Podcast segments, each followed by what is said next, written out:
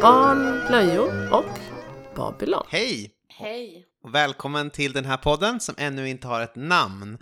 Eh, den kommer handla om, Föräldraskap. ja, ja, det kommer jag göra. Och kanske lite grann om föräldraskap och ideologi, eller vad ska man säga? kultur. Kulturkritik. Det skulle jag vilja påstå. Och teologisk kritik också Ja, det ska man kunna säga. Mm. Vi kommer kritisera barn utifrån att de är dåliga, Ja. att följa Guds bud.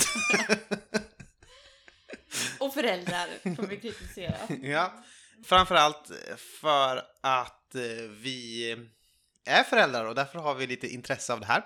Jag kan tänka mig att eh, promotionbilderna när vi står ihop så kan det se ut som att vi är gifta och sådär. Och ibland så åker vi bil tillsammans med barn och då kan man tänka så här, oj oj vad de är gifta. Men det är vi ju inte. Nej, inte den här gången heller. Nej, inte den här gången heller. Vi hade också en, en podd förut som hette Dum film, som är borta tyvärr från internet för att jag glömde betala någonting någon gång.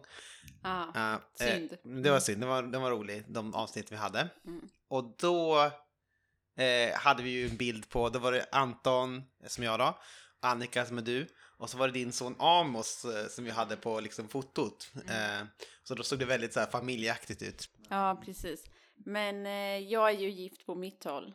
Och jag har min fru på ett annat håll, som är här. Mm. Vi sitter just nu hemma i ditt kök.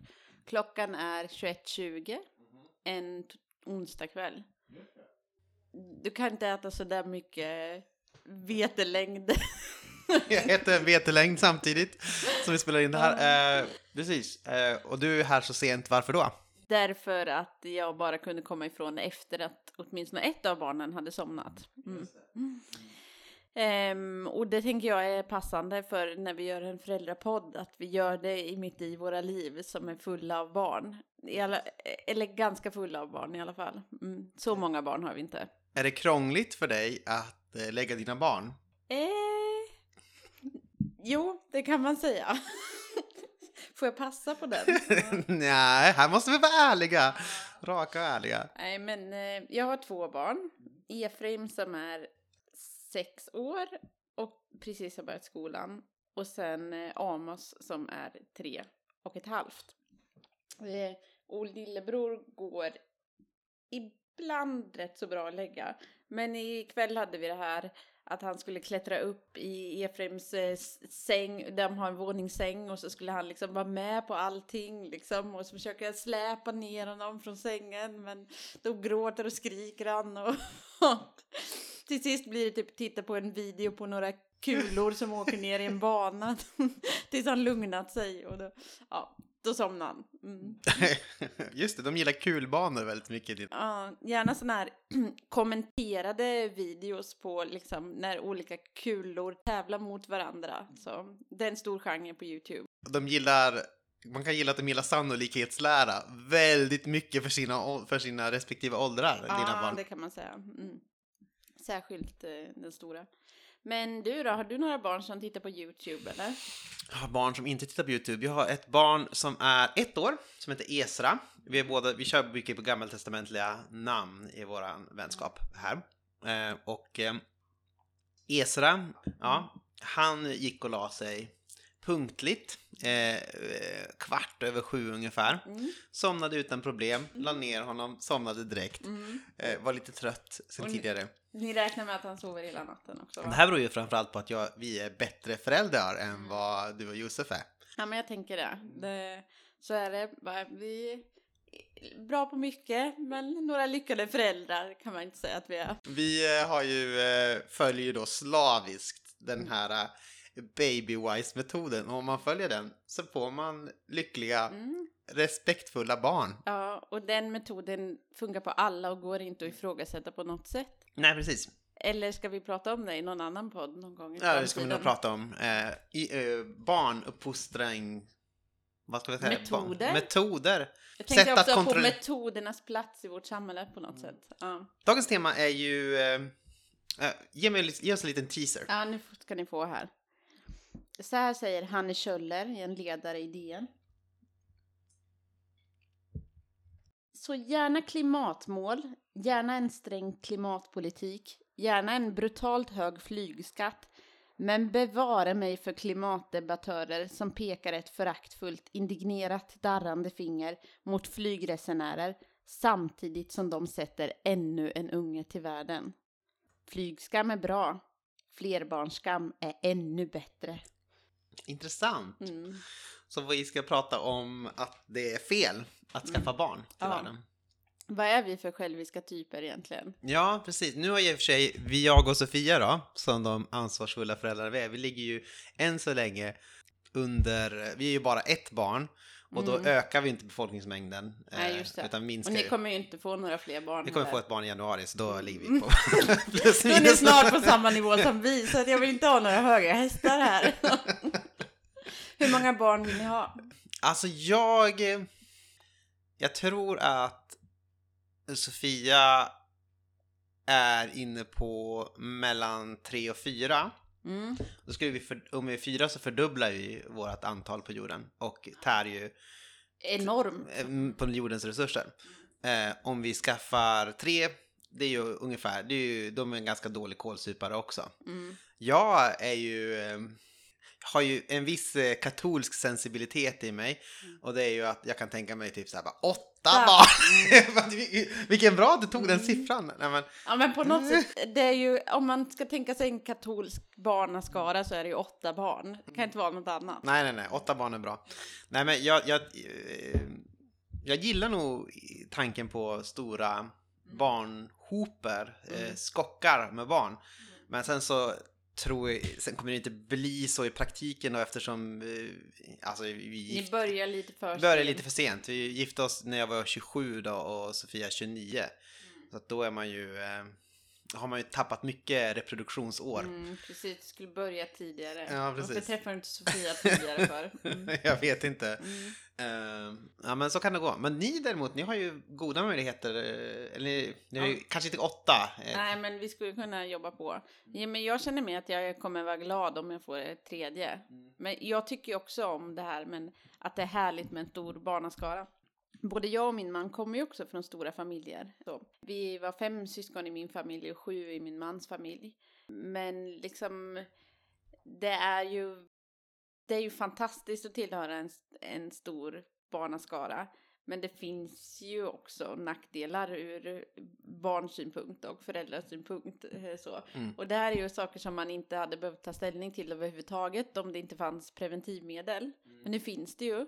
Och då tänker man saker som Kommer jag verkligen att kunna ge uppmärksamhet åt varje barn om jag har åtta stycken till exempel? Eller kommer liksom eh, barnet att försvinna i en ja, hög med barn bara? Det ligger en stor hög på golvet av barn. Var är mina barn? Rycker, försöker rycka åt sig ett enskilt barn, men det är så svårt. Det var man som en stor levande hög med armar och ben och torsos som inslingrade i varandra. Ja, nej men det är ju, eh, är ju sant. Men egentligen är det väl eh, inte så mycket så här att mina resonemang kring antalet barn har så mycket att göra med eh, om det är värdelöst för klimatet att ha barn. Nej, just Utan det. det är eh, Praktiska mer praktiska och eh, vad vill jag, vad längtar jag efter, vilket liv ser jag framför mig. Så. Vi har ju min... Min pappa hade åtta syskon. Han växte upp också. Så han är ju stor pingstfamilj liksom. Så, så att det, jag på något, det är väl att jag tycker det är lite, det är kanske därför att jag har lite grundsympati till stora, och så har jag haft ganska mycket så stora barnskockar runt omkring mig, typ att eh, min moster eh, och morbror hade ju sex barn till exempel. Och sådär. Vi var ju en ganska Svensson Svensson Svennig familj med tre. Eh, snittet är väl 2,4 eller någonting sådär gissar jag på en familj. Mm, det, eh, ligger det inte på 1,9 typ per födande per svensk Ja, just det. kvinna i Sverige eller något sånt. Ja, det låter rimligt. Ja, Mm. Men jag är lite osäker på det. Så man reproducerar sig nästan. Ja. ja, men det är ju någonting med att vi behöver invandring för att vi inte föder så många barn. Om man bara tänker på att eh, upprätthålla befolkningsmängden. Mm. Men varför tänker vi inte så mycket på klimatet när vi pratar om att skaffa barn? Ja, men först kanske man ska säga varför tycker folk att det är problematiskt att skaffa flera barn? Eh, Okej, vi börjar i den ja, änden. Det låter va- rimligt. Varför, varför tycker, eh, vad, vad tänker folk om det? Jo, de tänker att varje mänsklig aktivitet ger ifrån sig ett visst litet moln av växthusgaser, till exempel köra en bil eh, genom ett helt liv, eh, ge ifrån sig x antal ton koldioxid. Och om man då skaffar ett barn så har man skapat en till liten individ som, Genererar en viss mängd utsläpp. som gör massor med aktiviteter som släpper ut eh, avga, eh, ja, avgaser, men andra sorters gaser och växthusgaser. Koldioxidekvivalenter. Ja. Mm. Mm. Oh wow! Vad proffsigt det lät! Jag är ändå miljöpartist i botten, eller vad man ska säga. Har det, har det i mitt eh, heritage. Gött. Ja, precis. Eh, det kanske man inte ska gå in på, men det var ju, eh, de brukade väl ringa till er och säga eh, hemska saker eller något era, de, de busringde okej, hem till okej. mig. nu Karsen här att vi kommer svära nu vid det här till ett tillfälle. Så de ring, när jag gick i sjuan och jag var lite mobbad och liksom på en sk- skola i landsbygden så ringde de hem till oss på 90-talet. Nej, i början av 2000-talet. Era jävla miljöpartister! Var det såna här små väsande pojkröster som, Ja, som sa det det? var ju några pojkar. Ja, de var inte... Det var, det var, men grejen var att det räckte som tillmäle. Man behövde liksom inte säga... Eh, Miljömupp eller något. nej, precis. Att vara miljöpartist var liksom... Det var, det var kanske innan det var så hippt och urbant på något sätt. Just det. Men i mitt, i mitt eh, jag har ju bostadsrätt då, tillsammans med min fru. Det är hon som egentligen är den ekonomiska motorn i det här förhållandet. Mm. Det är bara en belastning. Men där, där brukar de ofta skämta om miljöpartister och säga bara, "Åh, men rösta inte på Miljöpartiet i alla fall. Eh, och så. Så det, det finns fortfarande ett del miljöpartistförakt kvar. Ja. Mm. Eh, Vi höll på att säga någonting. Ja, men det var ju det här, jo men precis. Det är problematiskt att skaffa barn. För de, och så sen i sin tur kommer de ju skaffa barn. Och de barnen kommer ju också släppa ut massor med eh, växthusgaser. Då får man ju göra en beräkning på hur mycket utsläpp gör en människa under en livstid Mm. på den här levnadsstandarden som vi har i västvärlden. För vi släpper ju ut olika mycket såklart, beroende på var i världen vi bor. Det här resonemanget brukar ju oftast gälla att folk i västvärlden inte ska hålla på och skaffa massa barn. Mm. Och därför ska man snoppa av det här barnafödandet eh, Mm. innan det blir ett problem. Minska det. Kvävare i dess Lin- linda. Nej, det lät, en, det lät hemskt. Det var väldigt, Men helt det var rätt. ju, läste vi inte en artikel där de förespråkade abort? För att, Ja, eh, precis. Ja, vi läste. där den tog upp de som förespråkade abort. Ja. Precis. Eh, och det finns ju många olika aspekter på det här med varför det är problematiskt att skaffa barn, eller hur? Det, till exempel så, vi, vi läste en artikel här från, jag tror det är Ottawa Times eller något sånt där.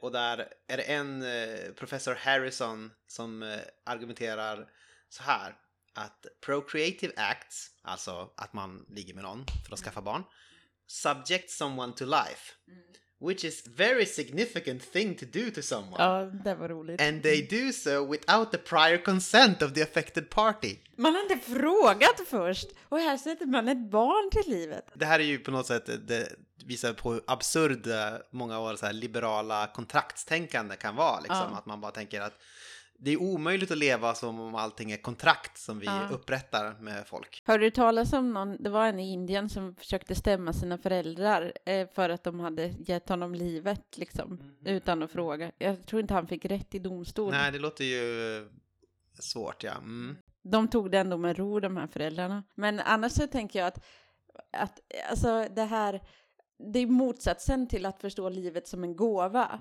Då blir det mer som att förstå typ livet som ett straff, något som har påtvingats sen och det har dödlig utgång liksom. Ja. Det vore ju bättre för det här uh, otillfrågade partiet om det aldrig hade existerat. För då hade man åtminstone inte brutit mot dess vilja. Nej, precis. Så det bästa är att ingen existerar som har en vilja, helt enkelt. Ja. För då finns det inga viljor att bryta mot. Men det är som en sån svår grundinställning till livet. Det, den är väldigt rolig den här artikeln för den har delat in folk då i pro-natalist och anti-natalist. Alltså för födande och mot födande. Ja. Bara som om det inte vore liksom ett fact of life eller vad man ska säga att man föder barn. Um, Mm. Ja, det är ju lustigt. Och det finns, den här artikeln finns också väldigt roligt. Eller eh, före detta prins Harry och hans eh, hustru Meghan Markle har ju då bestämt sig för att de ska ha bara två barn. Mm. För att... eh, Vilka hjältar! Ja, de tänker Ja. Mm. på klimatet. Sen så är det väl så att... Eh, Sen tar de sin private jet och flyger till en av, eh, konferens som Google har anordnat på någon paradisö. Där de ska prata om hur vi ska rädda klimatet. och så går de omkring barfota för att get in touch with nature. Ja.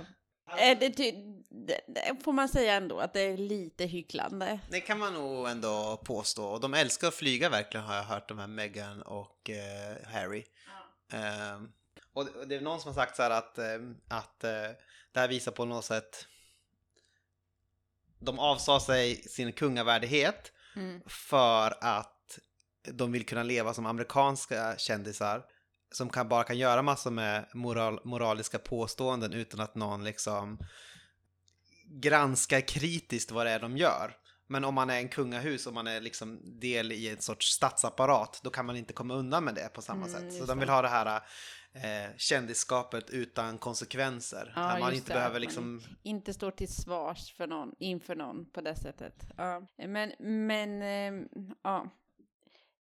Jag tänker så här att, att det är en sak att vi liksom kan känna ett förakt för de här riktigt rika människorna som ser ner på andra så för att eh, de skaffar många barn och sen lever de själva på ett sätt som är, är helt orimligt. Men, men eh, Hanne Kjölle gör ju samma resonemang fast tvärtom. Att vi som, som försöker leva miljövänligt på andra sätt, vi har liksom inga höga hästar att sitta på så länge vi skaffar barn. Eh, så. Alltså, eh, då, får väl, då kan vi inte säga någonting om de som håller på och flyger till Thailand eller äter massa kött och sånt. För att eh, då får vi först tvätta då har vi skaffat massor med koldioxid, eh, liksom bollar. Eh, Har vi, gasbollar har vi fött i världen av koldioxid. Mm. Som bara kommer att eh, Och jag, förpesta jag tänker att vi ska liksom ifrågasätta det här sättet att räkna på människoliv så. Men först så vill jag bara säga något rent faktiskt om just den här räkningen. Att man, när man gör sådana mätningar av vad det kostar miljömässigt att skaffa barn, då har man ju dels liksom bestämt sig för att man räknar de framtida utsläppen som ens barn och barnbarn och barnbarnsbarn kommer göra. Att man räknar de en själv till godo på något sätt. Att det är jag som är upphovsperson till alla de här utsläppen. Så är liksom, och dessutom så utgår de ifrån att vi har inte gjort en grön omställning, om vi nu kan göra en grön omställning, det är en annan fråga. Men den utgår ifrån att vi har samma nivåer av utsläpp som vi har idag, vilket ju är ett ganska orimligt antagande eh, om vi nu tänker oss att det, ja, saker och ting förändras över tid. Så. Mm. Jag, jag tänker att det här är en väldigt intressant ingång för att prata om kapitalism. Mm. Ett eh, kärt ämne för mig. det har sagts, jag tror att det är en person som heter typ Jameson eller något sånt där och så har det citerats av massor med andra, att det är lättare för oss att föreställa oss den här världens undergång, mänsklighetens undergång, än att föreställa oss kapitalismens undergång.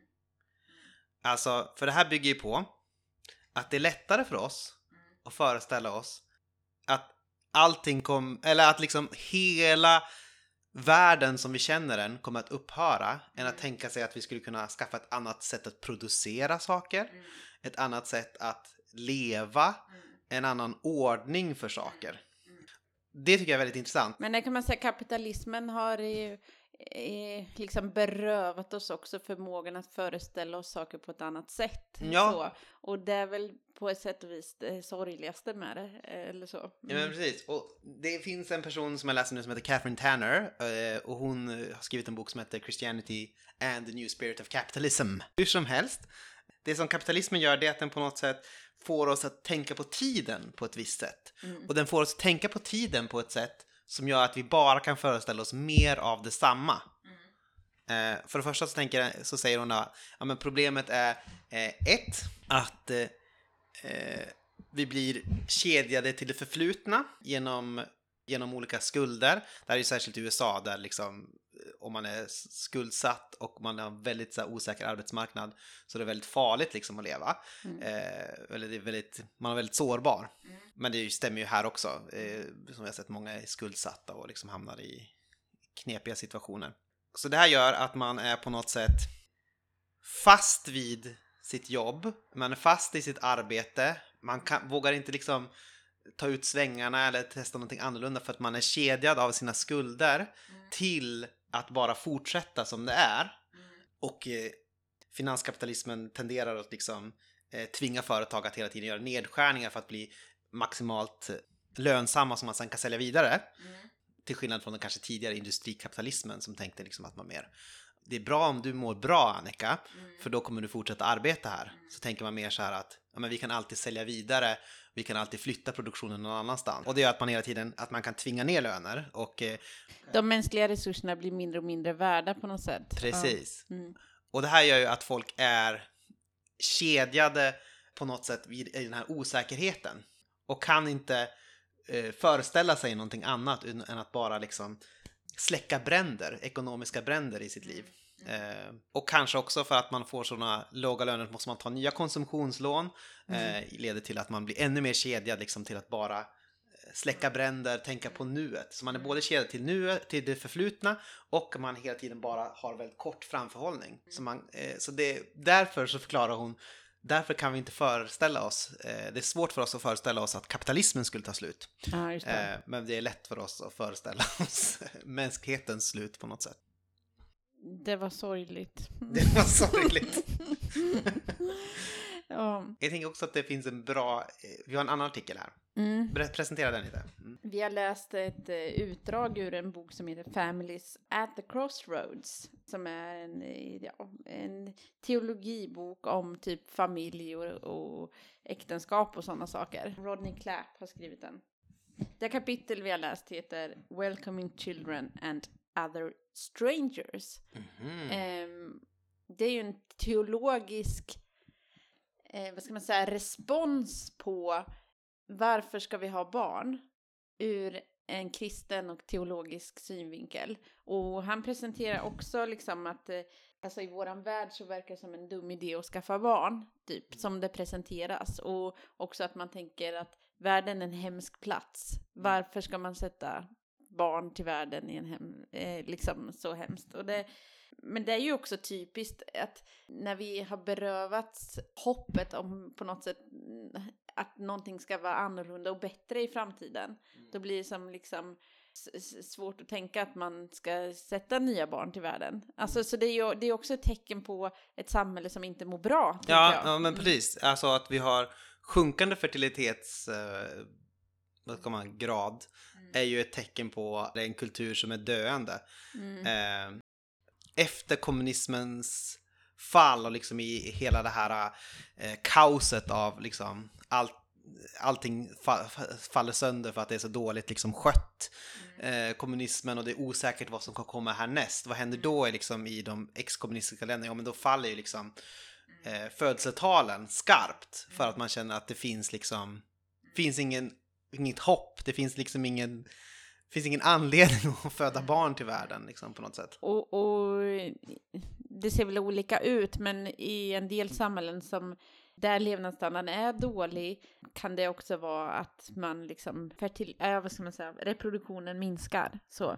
Och i Ungern har de exempel exempelvis en politik för att försöka få ungerska familjer att skaffa fler ungerska barn. Det är ju en rasistisk idé också, att de inte vill bli tas över av Just det. muslimerna. Så.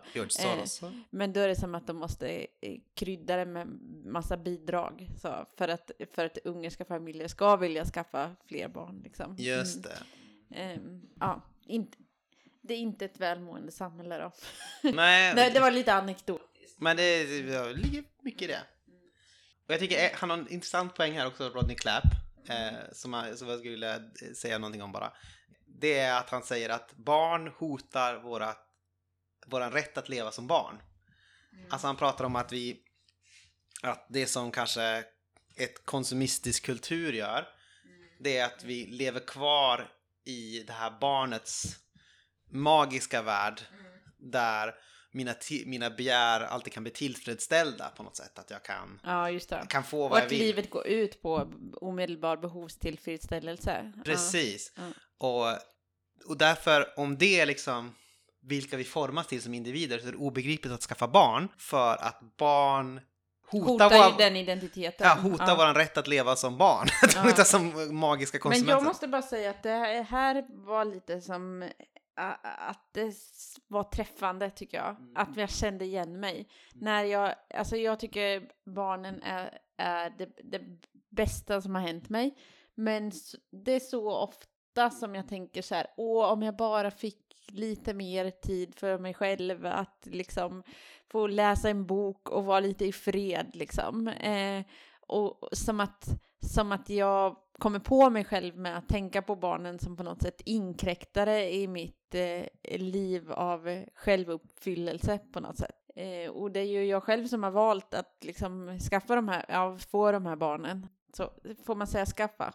Mm. Ja, det får man väl. Ja, Ja, det är mm. bra. Och ändå så liksom, det går djupt i en, att man, att man vill få tillfredsställa sina egna behov liksom. Mm. Ja, men så är det ju på något sätt. Och det är väl också naturligt eh, till viss grad, men eh, ja, det är väl om det aldrig finns, när det inte är möjligt att tänka sig självuppoffring, då är det ju en antikristen kultur kanske. Alltså Mm. att man kan, det handlar inte bara om att tillfredsställa behov eller, utan det finns den här möjliga tanken på att vi faktiskt kan offra oss för att, för någon annans skull. Jag vet inte, sa, sa jag någonting som var begripligt där? Eh, jag tror att du sa det, att, att, det, att det handlar om bristen på offer, eh, eller bristen på självuppoffrande som är det stora bekymret egentligen. Att, ja. Ja, men eller om det är en antikristen tanke på att livet bara går ut på att tillfredsställa behov, utan Mm, absolut att tillfredsställa behov är viktigt, mm, men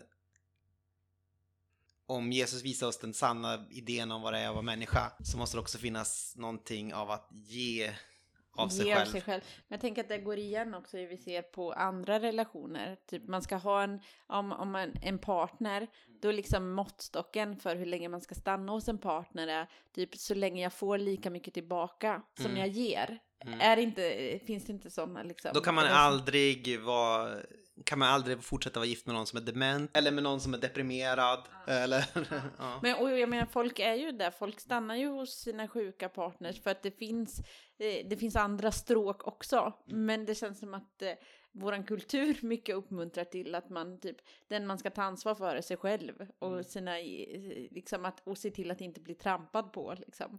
Och, och eh, om alla lever så, så skulle det i teorin göra att alla skulle må bra då, men det funkar ju inte riktigt så. Det barn lär oss det är på något sätt att vi behöver andra för att överleva. För barn vet på något sätt att de inte klarar sig så länge utan att ha människor som hjälper dem. Men, men så på det sättet är ju eh, barn någonting, de har ju någonting att, att lära oss i, i det faktum, precis att de, i det faktum att de är behövande och osjälvständiga så. Och, och på ett positivt sätt, liksom. Att vi kan förstå någonting av vad det är att vara människa, så. Mm. Jag tänker att om jag går vidare lite med Clap där, Mm. att han eh, lyfter fram att typ eh, när vi får barn, då lär vi oss någonting om att välkomna en främling och att det är ett kristet liksom, eh, ideal eller en, någonting som eh, liksom kyrkan håller högt, det är att välkomna främlingar. Och att, och att också barnalstrande liksom lär oss någonting där. Och då kan man ju undra hur han resonerar egentligen. För är barn verkligen främlingar? Vi känner ju dem. Vi känner ju våra barn utan och innan. Eller gör vi det? Mm, gör vi det? Kanske? Mm, mm.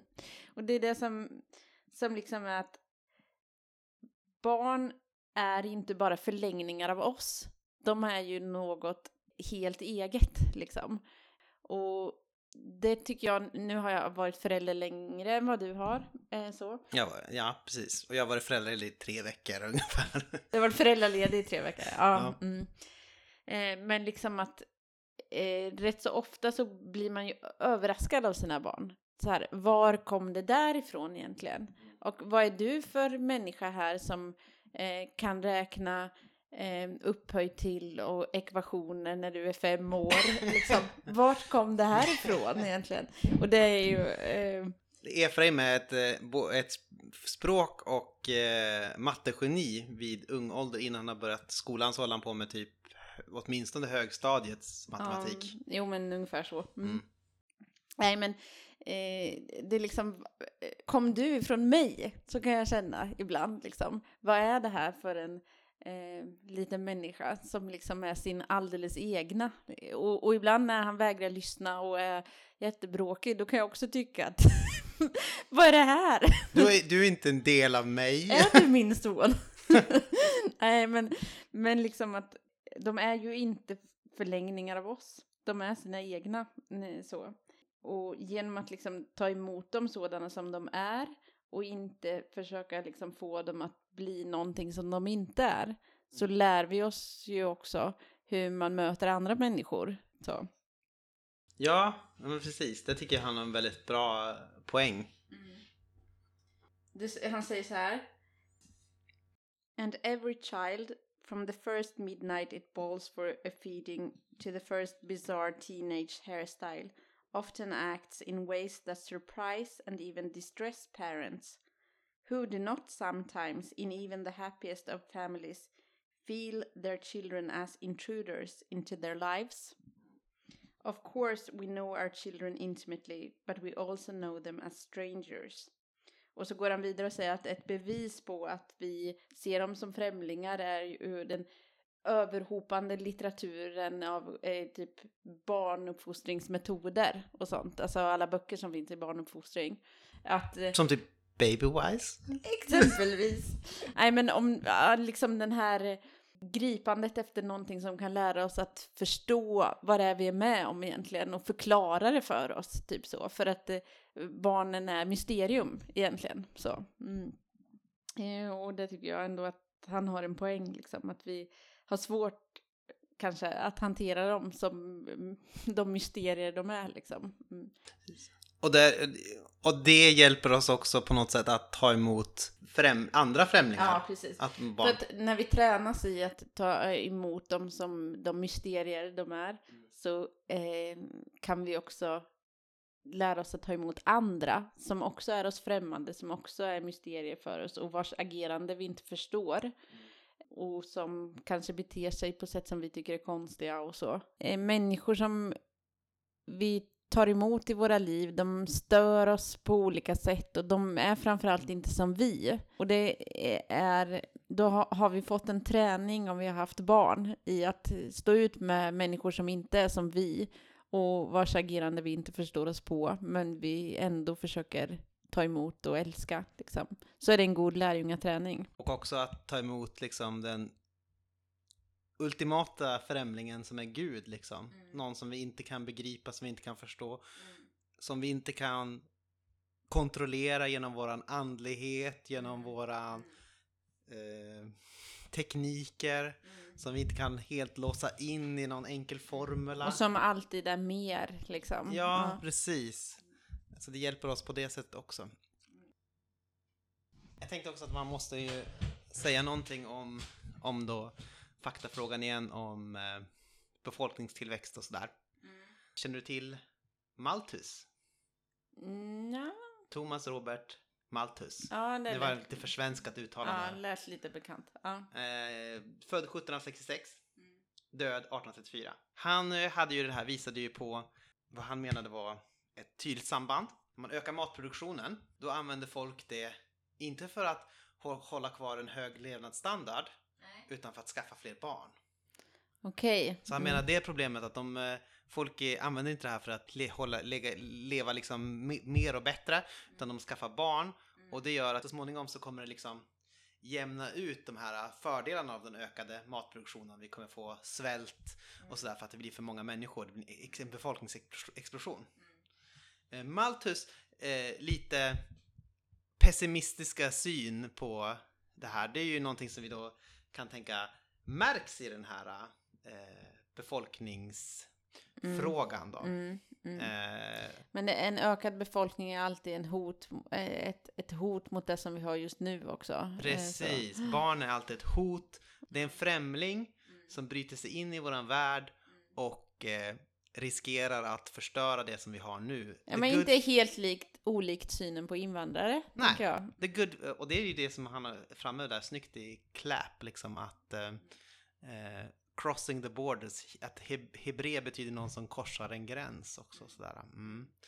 Och, eh, ja, och därför är man så upptagen med frågan om främlingar i Gamla Testamentet. Och därför också som vi ska ta emot barn, för de är också främlingar som korsar gränsen in i vår värld. I alla fall, det blev ju inte riktigt som Malthus eh, hade tänkt. Man hade ju redan på, man fortsatte ha den här teorin på 1900-talet och då var det så här, vi kommer få en stor befolkningsexplosion, eh, vi kommer, maten kommer ta slut, det kommer bli massvält i Indien och sådär. Det gjorde att man, till exempel i Kina har man ju haft eh, enbarnspolicyn. Mm, det gick jättebra. 30 miljoner kvinnliga foster aborterade eller något sånt där, Mm. minst.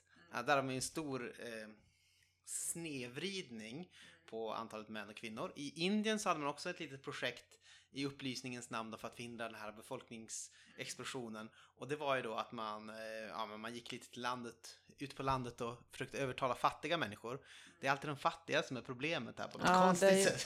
Även fast det är de som släpper ut så mycket mindre så är det alltid de vi ska sätta åt. Och så försökte man då, eh, då kastrerade man folk.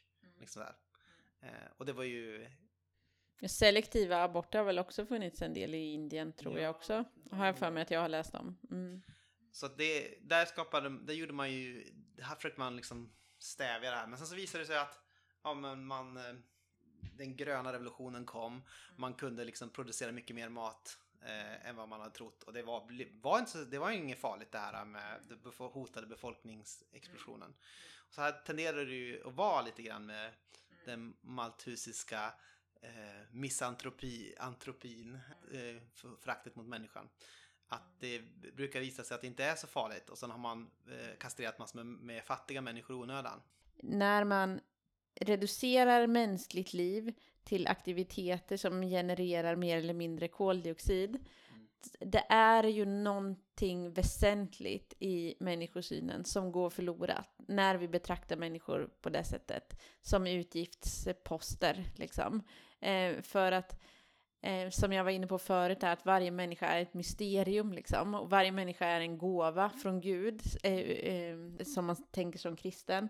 Eh, då blir det liksom att göra en människa till, till någonting som man kan beräkna. Det är ju att ta bort mysterieelementet i liksom, henne. Och, och eh, liksom, den vägen kan vi aldrig gå som kristna, tycker jag. Liksom. Mm. Liksom, man kan inte som utilitarism bara ta fram en miniräknare och liksom knappra iväg på den. Det- kommer, det, kommer bli någon, det kommer bli någonting skevt i det i slutändan. Ja, precis. Eh, och det är, det är liksom Gud gav mänskligheten livet som gåva. Och på något sätt så är det inte upp till oss att säga att vi ska sluta ge den gåvan vidare. Eh, så. Ehm, ja, jag ville bara ha det sagt. Mm. Precis. Mycket bra. Ha, det var första avsnittet av den namnlösa podden. Mm. Hoppas ni har haft det lika trevligt som vi har haft det. ja, fast ni inte har fått någon längd, eh, kanellängd. Ja. Vill du ha en till förresten innan du går? Nej, det är bra tack. Ja. Mm. Ja, vi får väl se när vi återkommer. Ja, Kanske säkert månatligen. Någonting blir det väl i alla fall. Mm. Mm. Nästa avsnitt kanske kommer handla om Jag skulle vilja prata, det finns massor jag skulle vilja prata om, men som jag kommer att tänka på nu utifrån dagens tema så är det föräldraskap bortanför en isolerad kärnfamilj. Mm. Så, mm. Det låter bra. Jag skulle vilja prata om eh, föräldraideologier eller f- föräldraskapsidéer, metoder och hur det är våran tids eh, heresidebatter. ja, Skulle jag vilja prata om. ja, men det låter ju spännande. Och så, sen så eh, kan vi ju ha gäster ibland kanske. Folk som har haft barn längre än vi, vem vet? Mm. Exempelvis. Mm. Folk som tycker saker om barn. Mm. Folk som tycker saker om barn. Mm. Är du för eller mot barn? är du pro baby or anti baby? Pro natalist, anti natalist? Nej, varsågod.